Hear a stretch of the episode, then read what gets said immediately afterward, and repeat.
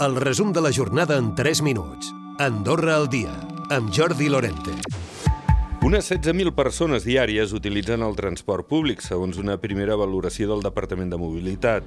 La gratuïtat del servei ha incrementat el nombre d'usuaris, segons ha explicat Jaume Bonell a Ràdio Nacional. És el director de Mobilitat. A dia d'avui, doncs, gairebé mig milió de persones doncs, utilitza el transport públic doncs, eh, mensualment. No? Això ens porta unes mitges diàries a l'entorn de 16.000. Doncs penso que l'aposta doncs, per, pels transports doncs, eh, eh, col·lectius és, és, és, és eh, l'acertada, no?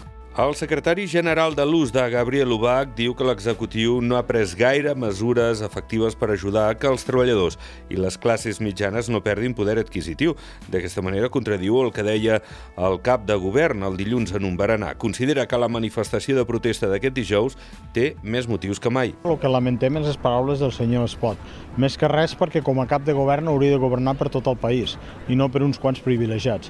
Nosaltres el que pensem és que primer, abans de fer un canvi, el que ha de tindre és voluntat de que es produeixi aquest canvi. I el que no veiem cap voluntat per enlloc de part del govern de DA per poder canviar les coses. Fins ara el govern es resistia a aplicar els mateixos paràmetres dels estats veïns, però l'increment dels rescats els darrers anys ha obligat a fer el canvi. I és que, a partir de l'any que ve, es cobraran els rescats de muntanya sempre que estiguin motivats per una imprudència o per la pràctica d'activitats esportives considerades de risc.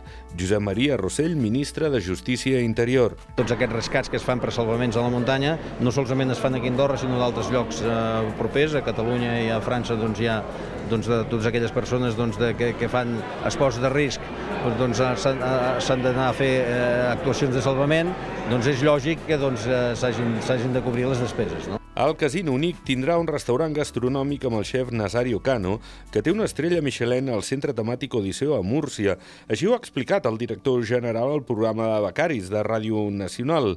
En Ivan Armengot ha dit que l'espai de Prat de la Creu, que obrirà el 4 de març des de migdia fins a les 4 de la matinada, lluitarà contra la ludopatia amb les normes exigides pel Consell Regulador del Joc, més un codi ètic intern. Andorra la Vella disposa de dos centres de transferència de terres per a la temporada d'hivern. Són uns abocadors temporals, però que haurien de ser l'última opció, segons ha dit la cònsul Conxita Marsol, que ha demanat coordinar-se amb els constructors per prioritzar els treballs durant els mesos que no hi ha neu al Maià. Tenim un parell de terrenys que, que si els particulars no porten solucions els hi donarem. Nosaltres no per això eh, deixarem que freni l'evolució positiva de la parròquia Andorra la Vella. Mirem d'organitzar-nos eh, organitzar de tal manera que molts dels munts es puguin fer a l'època que el Maià estigui obert. A final d'aquest mes i principi del següent es preveu una nova activitat immersiva al cap de casa d'Areny Plandolit. S'instal·larà un sistema immersiu a partir d'hologrames. El Consell Assessor també ha informat de l'ampliació de l'edifici de l'hotel Rosaleda. Recupera el resum de la jornada cada dia a Andorra Difusió.